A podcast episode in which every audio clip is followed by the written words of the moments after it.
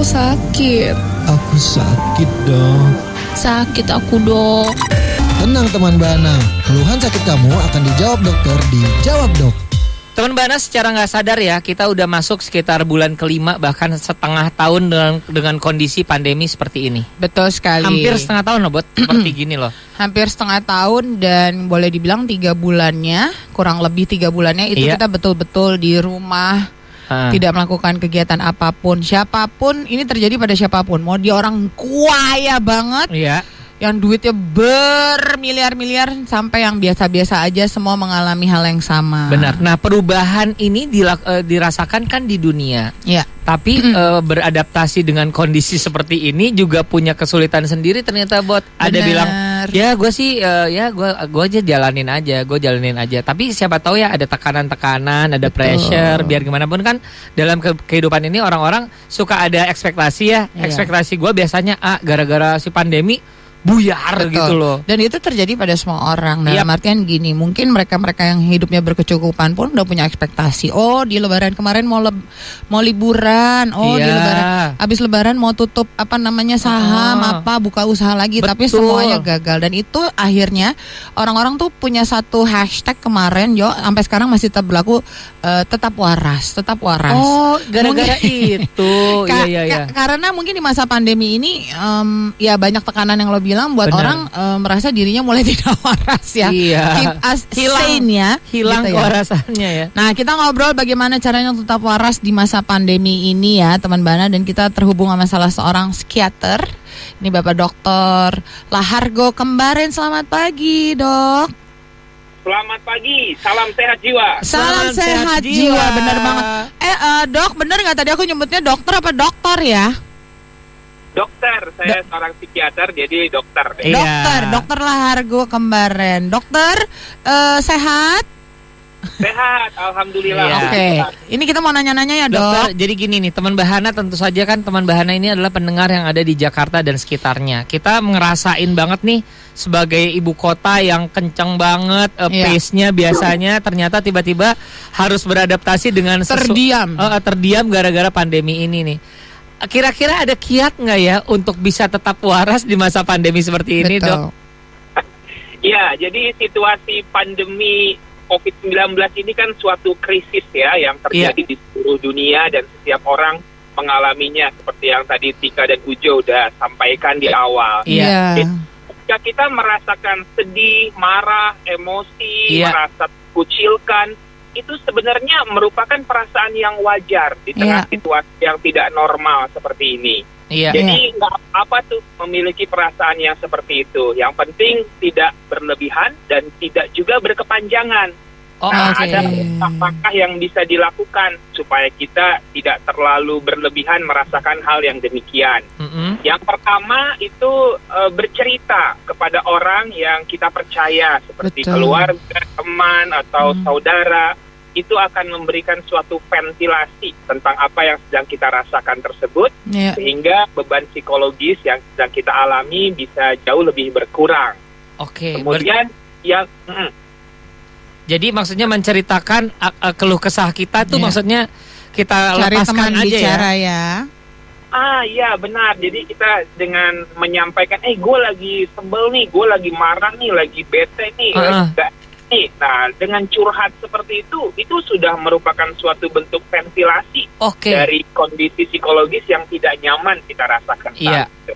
Kemudian dok, Kemudian yang kedua adalah mengambil jarak dengan berita-berita yang terlalu berlebihan. Iya, Ini betul. aduh ini Ya. selalu dok, ini PR banget ya. Ini bangun tidur langsung buka HP ngelihatnya aneh-aneh. Iya, terus gimana, Dok? Sih, karena apa yang kita lihat, dengar dan baca itu akan mengaktifkan bagian otak kita Mhm. yang mengatur pusat emosi. Akan keluar hormon yang kita sebut kortisol. Ini hormon stres yang Oke. bisa kita dapatkan kalau terpapar oleh berita menakutkan, berbahaya dan mengancam terus-menerus. Dan Oke. dia eh, didistribusikan ke organ tubuh, bikin jantung kita jadi berdenyut lebih kencang, nafas jadi sesak dan berat, asam lambung meningkat, geretnya jadi kambuh, mual muntah, otot-otot tegang. Gila ya. Padahal kalau diperiksa secara Heeh. fisik laboratorium tuh nggak ada masalah gitu. Jadi Oh, itu iya. kayak kayak ini ya dok, apa namanya domino efek ya? Asalnya dari mana? Tung dung dung dung dung dung dung langsung Iya, ya. ke mana-mana ya dok? Iya benar. Kadang-kadang orang langsung datang periksa gitu ya ke Hmm. laboratorium ke dokter-dokter spesialis internis misalnya, tapi kok nggak ada masalah ya. Jadi problemnya di mana? Problemnya di psikologisnya, Iya. di psikisnya, pikiran, perasaan. Ini reaksi yang kita sebut psikosomatis. Psikosomatis. Oke. Iya. Cukup banyak ini kejadiannya. Gitu. Oke, selanjutnya apa dok? Tadi cari teman bicara, Hah? kedua hindari dari berita-berita yang bikin eh, kita resah, Resah, gusar. khawatir, ha. Kemudian apa lagi dok? ambil ambil jarak gitu ya. Jadi Ambil lakukan jarak, ya. sosial, kemudian memilah berita-berita tersebut dari sumber-sumber yang dipercaya. Jadi jangan langsung mendapatkan suatu berita tuh langsung di, eh, dipercaya, diyakinin gitu. Jadi cari sumber-sumber yang memang ini benar, jangan sumber-sumber yang abal-abal. Iya. Kemudian kita lakukan juga saring sebelum sharing semua berita tersebut Betul. Oke. agar orang-orang, teman-teman keluarga kita tidak mendapatkan berita yang tidak benar sumbernya. Kalau kalau dapat berita dari sumber yang tidak benar, itu akan meningkatkan stres dan juga gangguan psikologis pada diri kita. Iya, dok, boleh saya eh, salah sedikit, dok. Nah, ini kan kondisinya adalah eh, kondisi umum yang kita bisa bagikan ya, eh, tips-tipsnya ya. Tapi bagaimana dengan orang-orang yang memang sudah punya kerjaan, dok? Ya kerjaannya tuh misalnya gini, eh, teman-teman yang kerjanya di jalan pasti udah kena stres di jalan. Atau enggak memang bekerja di dunia politik pasti dia udah kerja, udah punya stres di dunia politik atau di dunia ekonomi. Nah, itu cara punya cara khusus nggak ya, dok ya? Iya, jadi mengalami suatu stres itu sebenarnya hal yang alamiah karena Oke. stres itu adalah respon tubuh terhadap situasi yang kurang, tidak menyenangkan, yang tidak sesuai dengan ekspektasi. Oke. Tapi stres itu ada dua macam gitu ya, Tika dan Ujo Iya. dan teman Bahana. Ada stres yang sifatnya positif. Ini kita Oh. sebut eustress. Nah, Eustress. eustress ini akan kemudian memacu kita mengeluarkan energi potensi kita yang terbaik. Nah, Mhm. misalnya kalau anak sekolah nih, kalau nggak nggak stres ya nggak bakalan belajar, nggak Iya. bakalan Iya belajar, sih. nilainya mungkin biasa-biasa. Tapi Iya. karena dia stres, dia mengerahkan energinya supaya bisa lulus, supaya bisa diterima di universitas yang dia inginkan. Nah, itu kan berdampak positif. Itu kita sebut namanya eustress. Oh, Tapi harus hati-hati, ada stres negatif yang kita Mhm. sebut namanya distress. Nah, distress ini ketika stresornya terlalu berat atau kapasitas mental dari orang tersebut itu kurang begitu cukup. Nah, inilah yang bisa menimbulkan efek-efek tidak nyaman seperti Oke. reaksi emosional. Orang kalau lagi stres berat dia mudah marah, baper gitu ya, sensitif, ya. gitu.